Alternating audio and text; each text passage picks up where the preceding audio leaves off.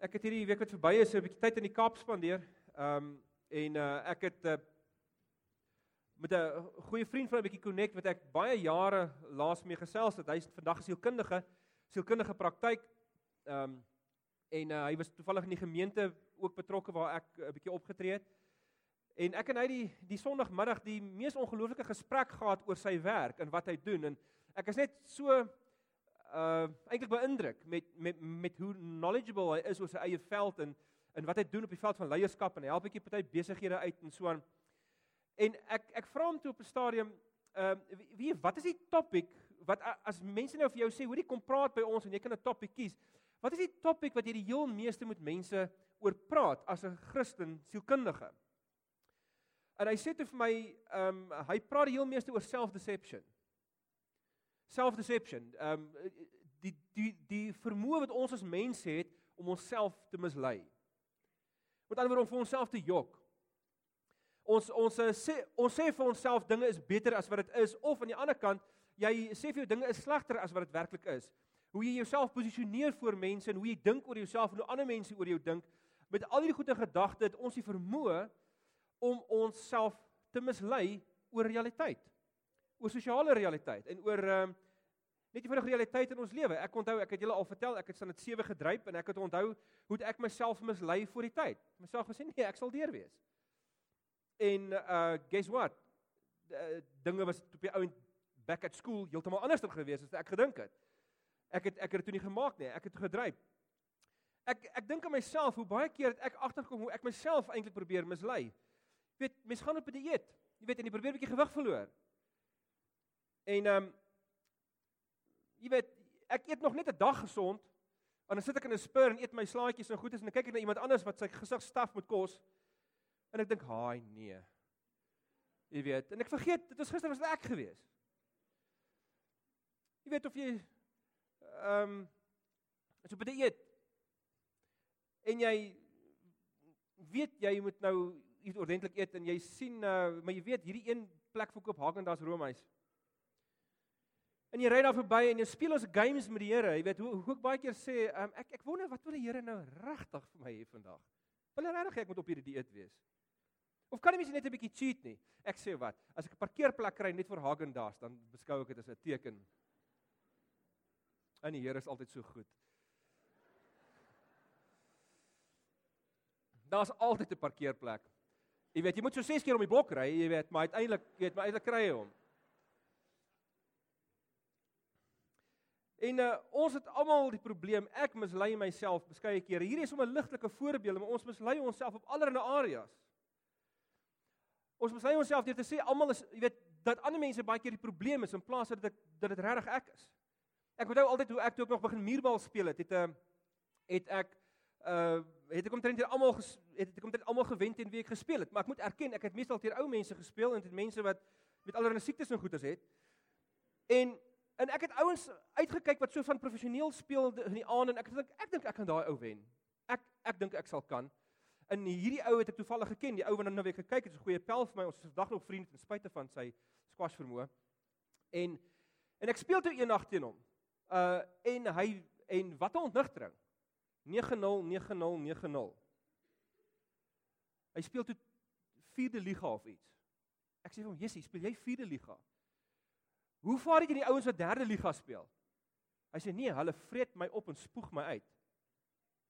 En ek dink myself, hoe hoe moontlik is dit om jouself te mislei dat jy regtig dink jy kan hierdie ou wen en jy kan meeste ouens wen, maar jy weet jy jy jy, jy kies die mense uit met wie jy uithang. Ons is besig om onsself soms te mislei en ek dink een van die grootste areas waar moderne mense hulle self mee mislei in die is om so te leef dat ons dink ons kan sonder ander mense klaarkom. Dat ons dink ons kan sonder diep community leef. Nou ek weet ons almal weet ons het mense nodig. Dit is so, maar ek dink nie ons ek dink ons moet lei ons ons moet lei onsself oor hoe intens en hoe diep en hoe fundamenteel ons mekaar nodig het. En Niels het laas laasweek begin met hierdie reeks oor uh, leef connected. En ehm um, hy het vir julle geskets 'n bietjie oor waaroor dit gaan en en en hoe belangrik community is en ons het begin ons het gesê hierdie is ook 'n reeks wat ons bietjie oor ons klein groepe gaan praat en ek wil dadelik my agenda weggee. Ek wil hê julle moet inskryf vir klein groepe aan die einde van vanoggend. Niemand hou 'n kant in jou kop nie, ontspan. Maar maar ek wil ek wil vir julle verduidelik hoekom dit vir ons so belangrik is. En ek dink hier is een van die dinge waar die moderne wêreld homself vandag mislei. Um jy moet geweldige geweldig intentioneel wees en geweldige fokus wees om so te leef dat jy leef saam met medegelowiges. Dat jy diep leef in terme van vriendskappe, geestelike vriendskappe wat ons met mekaar smee. Nou een storie van waar waar iemand homself so goed mislei het oor of hy mense nodig het nie uh, is in die fliek About a Boy. Dit is as jy dit nie gesien het nie, dis nie soos Lord of the Rings, jy weet, party hard en party love it nie. Hierdie een kan jy regtig kyk. Dit is 'n fenominale uh fliek oor verhoudings. Wie het die fliek gesien? Kan ek gou 'n bietjie loer? As hy, baie van julle. So kom ons kyk gou 'n bietjie na die inleiding van die fliek en kom ons kyk oor Hugh Grant se karakter wat hy sê oor homself. So die fliek gaan aan, julle ken uh julle ken die storie en die fliek gaan letterlik oor die misleiding wat hy beleef in terme van sy sosiale interaksie met mense. En dan kom hierdie jong seentjie oor sy pad, die klein nerdy ouetjie. Hy's glad nie cool nie, hy's glad nie nice nie. En eintlik eintlik interrupt hy uh die karakter wat Hugh Grant speel se lewe, Will. En uh en en om hierdie om om, om hierdie jong ouetjie te connect is moeite en dit vat tyd en hy's eintlik 'n klein irritasie en maar uiteindelik bring hierdie awkward klein ouetjie met wie hy nooit sou meng onder normale omstandighede nie. Bring 'n stuk community na sy lewe toe en die fliek eindig uh jy weet so um, spoiler alert druk net die ore toe as jy nou wil weet nie maar die fliek eindig waar hulle almal in sy sitkamer sit weirdos losers almal wat hierdie ouetjie dis van sy familie en sy vriende wat hulle almal ingebring het in hierdie vriendekring en waar hulle almal besef het, hulle kan nie sonder mekaar leef nie. Hulle moet in diep community leef. En dit is dit is 'n sekulêre dis 'n sekulêre fliek wat vir ons hierdie uh, goeters wys. Die skrywer natuurlik van hierdie stories is iemand wat so so 'n bietjie hang op die ehm um, hy oorweeg die Christelike geloof, ek weet. Ehm um, ek ek het nou sy naam vergeet, ek sal net nou onthou miskien. Maar dit is 'n baie belangrike ding om te onthou. As ons kyk na wat die Here vir ons leer in die Bybel oor community, ons gaan so 'n paar verse saam lees en dan gaan ons so 'n paar comments daaroor maak. Dit is die boodskap van vanmôre. Is dit ek wil hê jy moet regtig dink en jy moet heroorweeg. En as jy miskien een van die mense is, soos ek ook baie keer, wat jouself mislei oor wat jy nodig het en wat jy nie nodig het nie. Ehm um, daar's 'n Kanadese sielkundige wat sê wie ons mislei mekaar die hele tyd. Hy sê ons is die mees komplekse dinge wat nie is wesens nie, dinge wat bestaan in die heelal.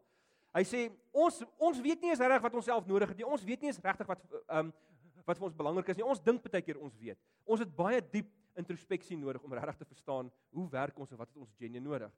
As ons egter na die Bybel kyk, dan sê die Here vir ons community, diep community, geestelike vriendskap met mense is iets waarsonder ons nie kan leef nie, nie kan groei nie, nie vir die Here kan liewer word nie, nie vir mense kan liewer word nie, nie kan groei ons karakter nie.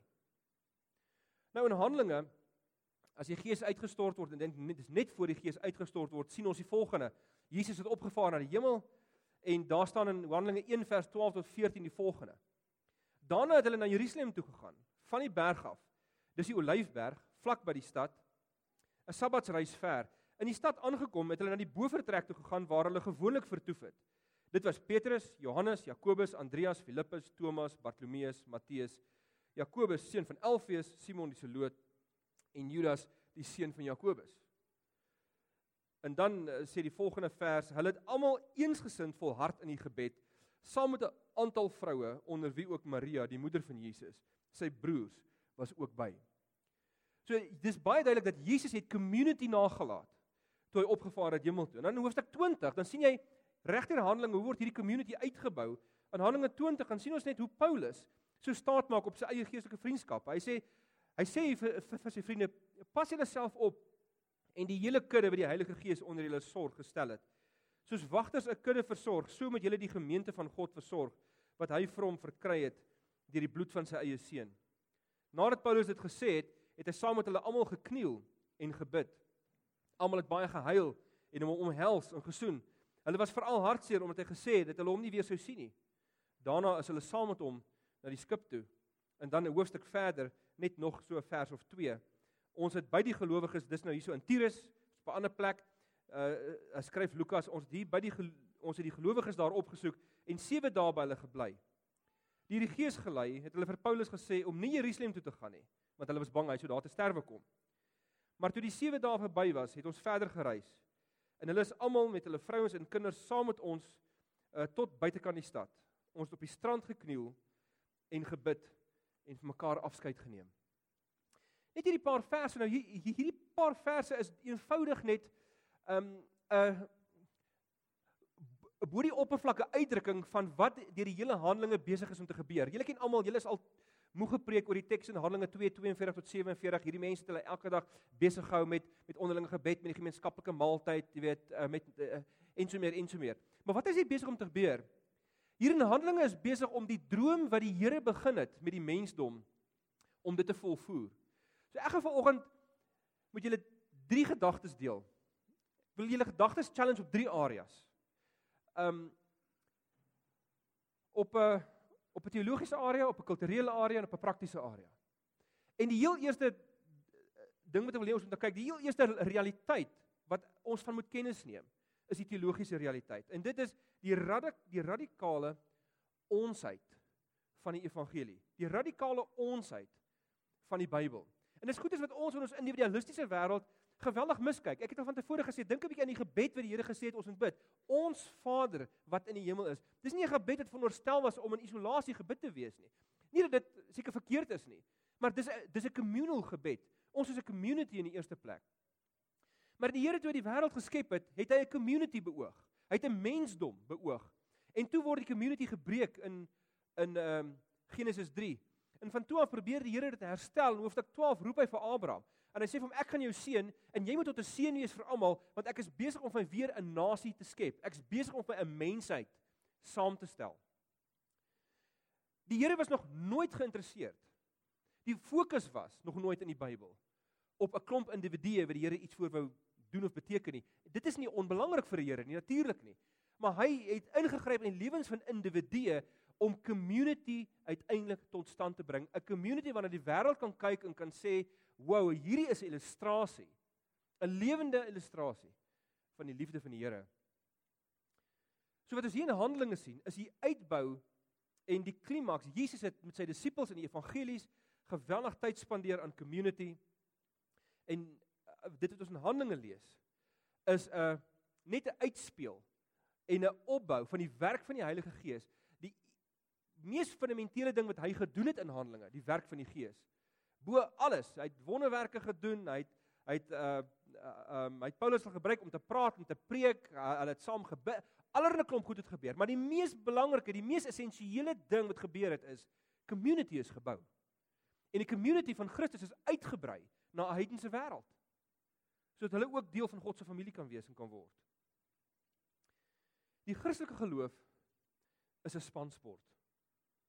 Dis nie iets wat jy by eie doen nie. Maar dit lyk asof ons tog leef asof baie van ons leef asof ons dink ons kan. Jy weet imagine iemand vir kon sê nee, ek speel rugby. Is dit nie vir wie speel jy? Ek speel op my eie. Dit dis iets wat nie werk nie. Jy, jy as jy as jy sê jy glo in Christus, dit kan nie 'n individuele ding, dit kan nie net 'n vertikale ding wees nie. Um as Jesus na jou in jou lewe binnekom, dan bring hy sy hele familie saam en nie almal is ewe likeable nie. Party mense is weird om mee saam te leef. Maar ons het community so nodig. Dink 'n bietjie daaraan as jy 'n great stuk musiek luister of 'n song op die op YouTube kyk of 'n of 'n praatjie of wat ook al. Wat is jou heel eerste instink? Jy wil dit graag deel met iemand. Jy voel so half ingedoen as jy dit nie kan share nie. Jy weet as jy dit nie vir iemand kan sê, hoorie, luister hierna of hoe laat hierdie stuk musiek of kom luister saam met my of wat ook al. Dis kenmerkend van Christelike community. Om saam met mekaar te wil wees. Dis ons diepste behoefte op 'n fundamentele en op 'n diep essensiële vlak. Nou wat interessant is van van community in die kerk. Die ongelooflike ding wat die Here met ons doen is Hy bring mense bymekaar wat hy nie oor die algemeen so bymekaar bring nie. As ons kyk na daai eerste gedeelte, ehm um, wat ons gelees het in Handelinge 1, dan sien ons wie almal daar bymekaar was. Jesus se disippels, was die mees uiteenlopende klomp mense. Hy het nie 'n klomp, jy weet, ehm um, homogene mense uitget kies om sy disippels te wees nie. Daar daar was die tollenaar gewees, Matteus wat die hele wat al die ouens verraai het en dan was daar Simon die Seloot wat jy weet ehm um, wat absoluut hulle tollenaars doodgemaak. Hulle was vyande van mekaar gewees. En dan het ons Jakobus en uh Johannes gehad wat die seuns van donder genoem was. Hulle um, Stefanie Bersie, hulle was bliksems. Jy weet want hulle het wat is hulle gedoen het met mense? Hulle was genoem die seuns van die donder. Ehm um, dis 'n baie goeie vertaling van wat die Bybel daar daarop sê. En dan jy allerlei mense gehad, jy het vissermanne gehad en jy het verskeie soorte mense gehad en hulle het 'n community in mekaar ontdek wat hulle nie gedink het ooit sou kon ontstaan nie. Dis waarom hulle heeltyd stry met mekaar. Lees 'n bietjie van Matteus tot Johannes. Hulle is hulle is so divers en so verskillend, maar uiteindelik het hulle geleer deur Handelinge om mekaar lief te hê om Jesus ontwil. Hy het hulle bymekaar gebring. Ek was eendag um, toe ek nog in Wesrand was in 'n gemeente toe sê ons bedryfshoof vir my eendag toe ons so lekker in die hoompie sit en koffie drink. Toe sê hy vir my: "Wie Rudolf, ek en jy sou nooit pelle gewees het nie. Ons is te anders." As nie vir die kerk was nie, as dit nie vir die as nie vir die Here was nie, dan was ons nie vriende gewees nie. Want jy's weird. Ek sou nooit met jou connect op my eie nie. En hy's reg. Ons is heeltemal te uiteenlopend. Maar dis die vermoë wat Jesus het. Hy bring mense wat gedink het hulle sal nooit kan saamleef met mekaar nie bymekaar. Hy bring mense wat mekaar aanvanklik irriteer en, en wat dink jy sê ek sou 'n ou wat so das dra sou ek nooit eens 'n woord mee gepraat het nie. Jy weet, bring hy bymekaar uit en soveel sodat mense nie net leer mekaar te verdra nie, maar dat sulke mense uiteindelik vriende word en dat hulle leer om hulle lewens vir mekaar te gee. Dit is die amazing ding van die Christelike geloof. Ons ontdek community wanneer ons in Christus na mekaar toe kom. En ons meng met mense wat ons oor, oor die algemeen nie noodwendig mee sou meng nie. Alle ander instansies kom by mekaar op grond van gemeenskaplike belange. Dis kan dit seker van ons ook sê. Maar uh, baie van die gemeenskaplike belange is is dalk um, opvoedingsbelange of kinders. Jy weet uh, wat op dieselfde ouderdom is of of 'n bepaalde uh, musieksmaak of uh, of 'n boekklub of wat ook al. Maar die Christelike kerk kom eenvoudig by mekaar eenvoudig om Jesus wil omdat hy ons bymekaar roep. En omdat hy vir ons sê julle moet lief wees vir mekaar en julle moet saam met mekaar leef. Individuele spiritualiteit is gevaarlik. Dis hoe kultus ontstaan.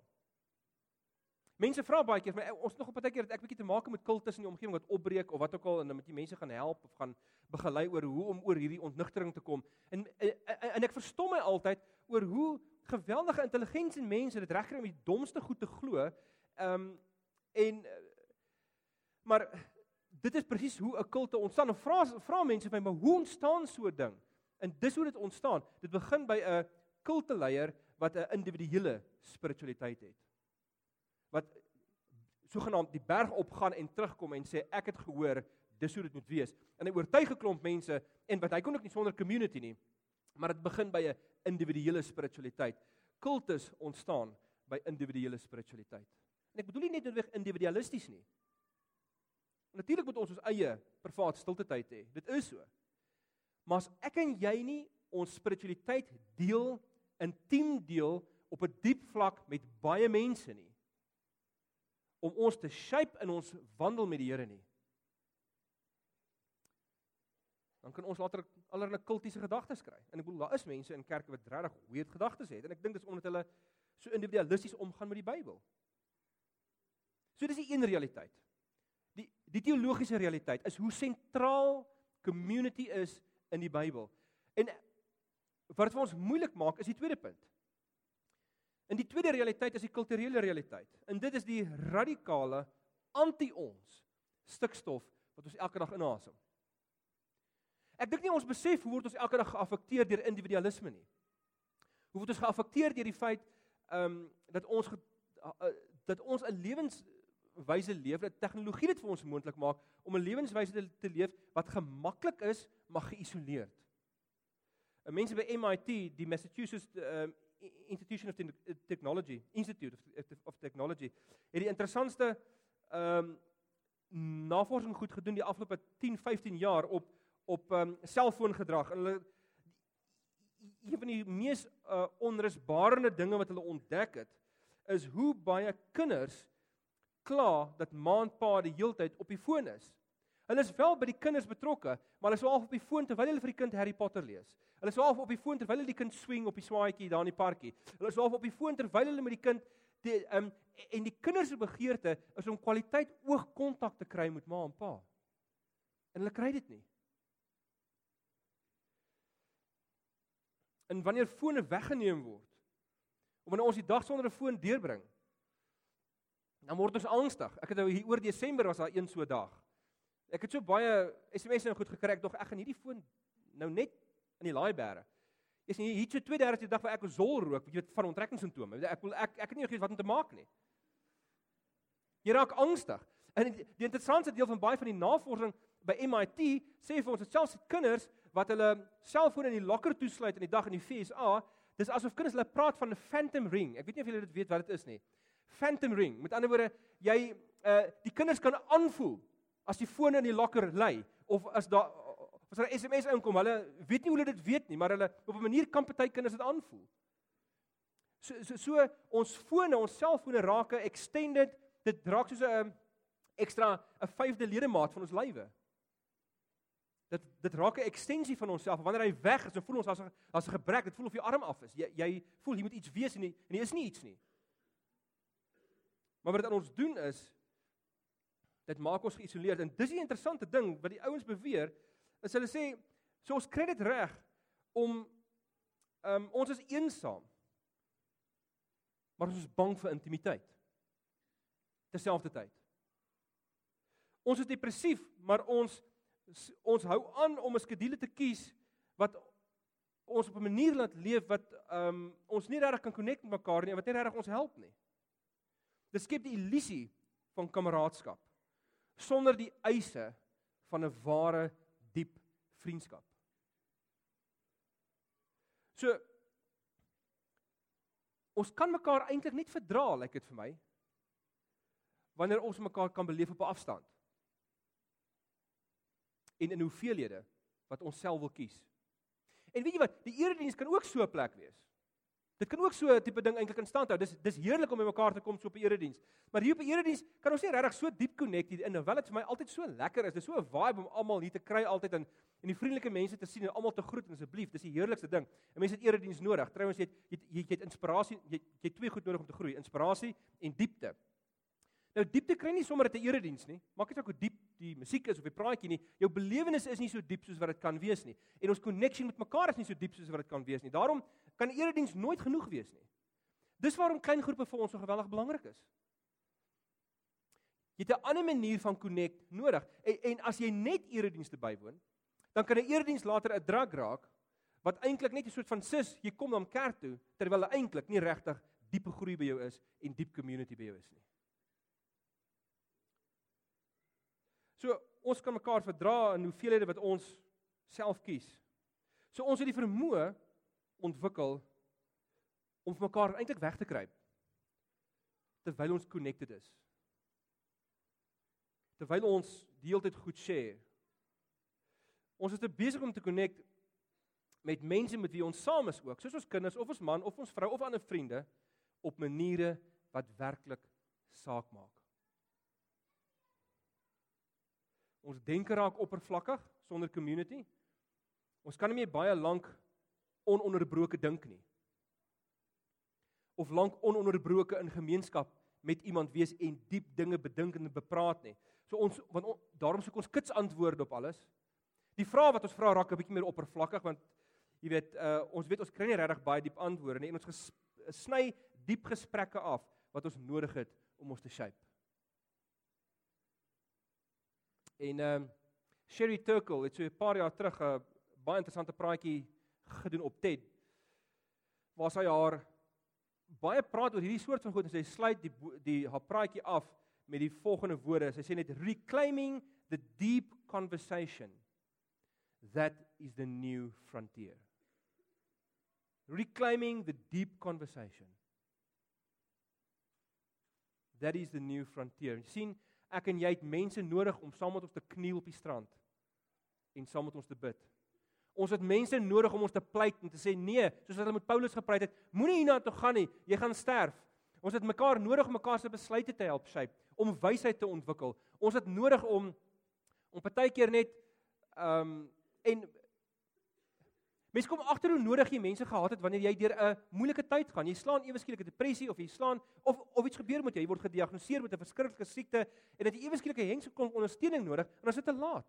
Jy het net nie jou tyd invest in daai soort van geestelike vriendskappe waar waar mense jou kan help. Dis dan is dit slegs jou naby familie wat jy soms kan bystaan en selfs hulle is besig.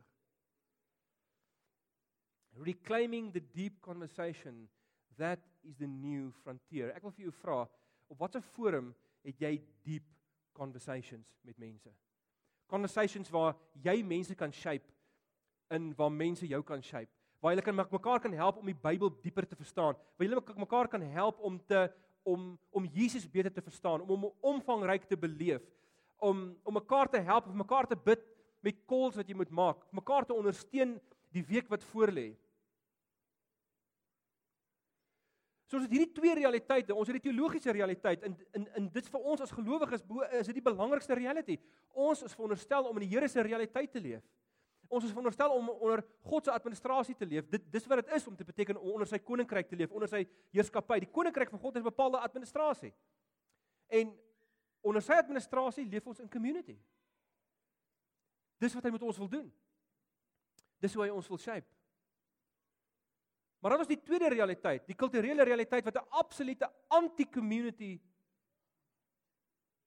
'n anti-community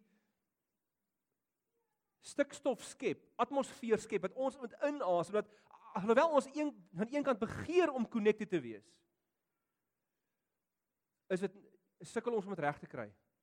En maak die lewe ons ongeduldig en onverdraagsaam teenoor mekaar en sê ons mekaar ons het nie tyd nie. En tyd is 'n belangrike ding, maar dit bring ons net by die derde praktiese realiteit. En dis die en dis 'n vraag aan jou. Wat gaan jy doen?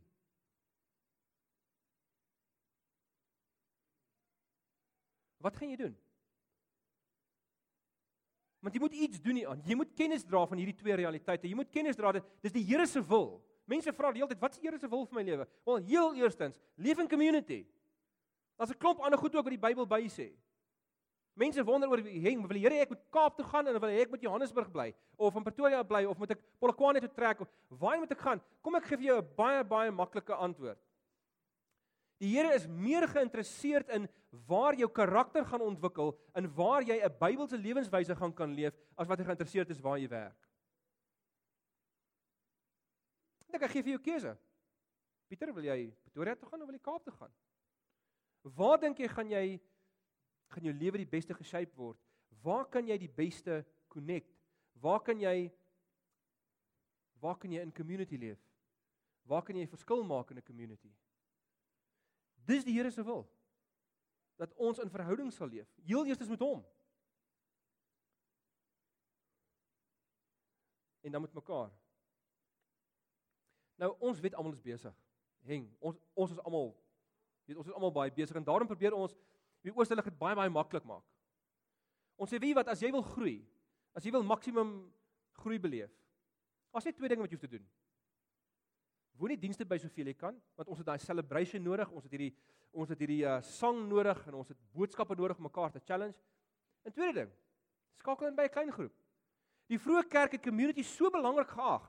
Hulle het 'n byna onrealistiese ding gedoen. Hulle het elke dag bymekaar gekom. So nodig het hulle gevind dit is. Elke dag. Nou ook nou, heng, ons kan dit nie doen nie. Dit is onmoontlik, maar heng, as jy jouself nie eens regkry om een keer 'n week by 'n by 'n geestelike community uit te kom nie, dan jy, as jy so 'n bietjie geskroei.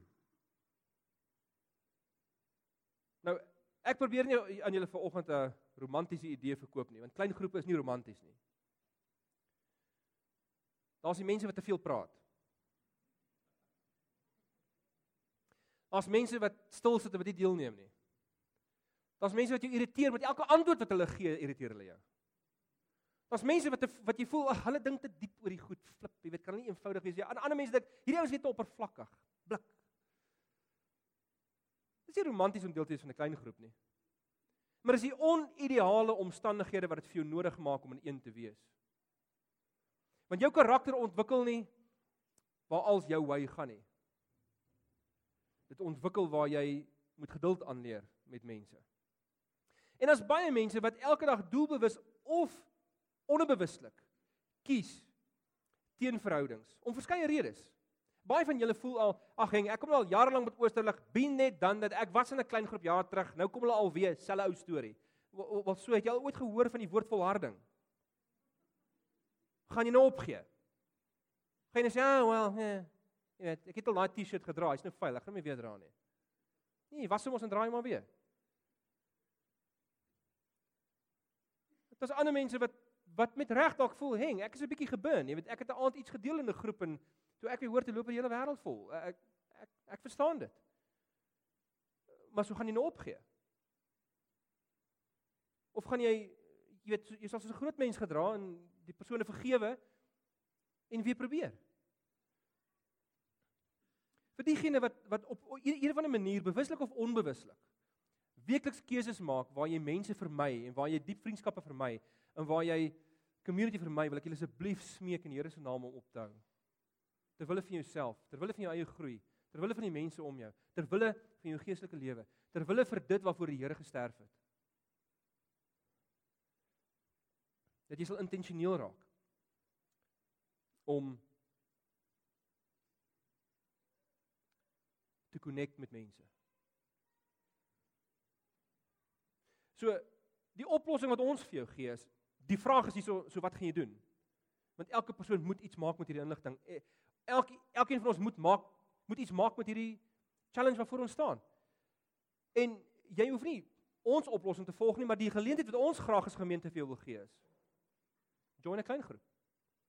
Dit is aanvanklik voel dit vir jou plastiek, maar soos wat jou hart daarin groei, raak dit vir jou kosbaar en later kan jy nie meer sonder dit klaarkom nie en jy besef eintlik hoe jy dit nodig gehad.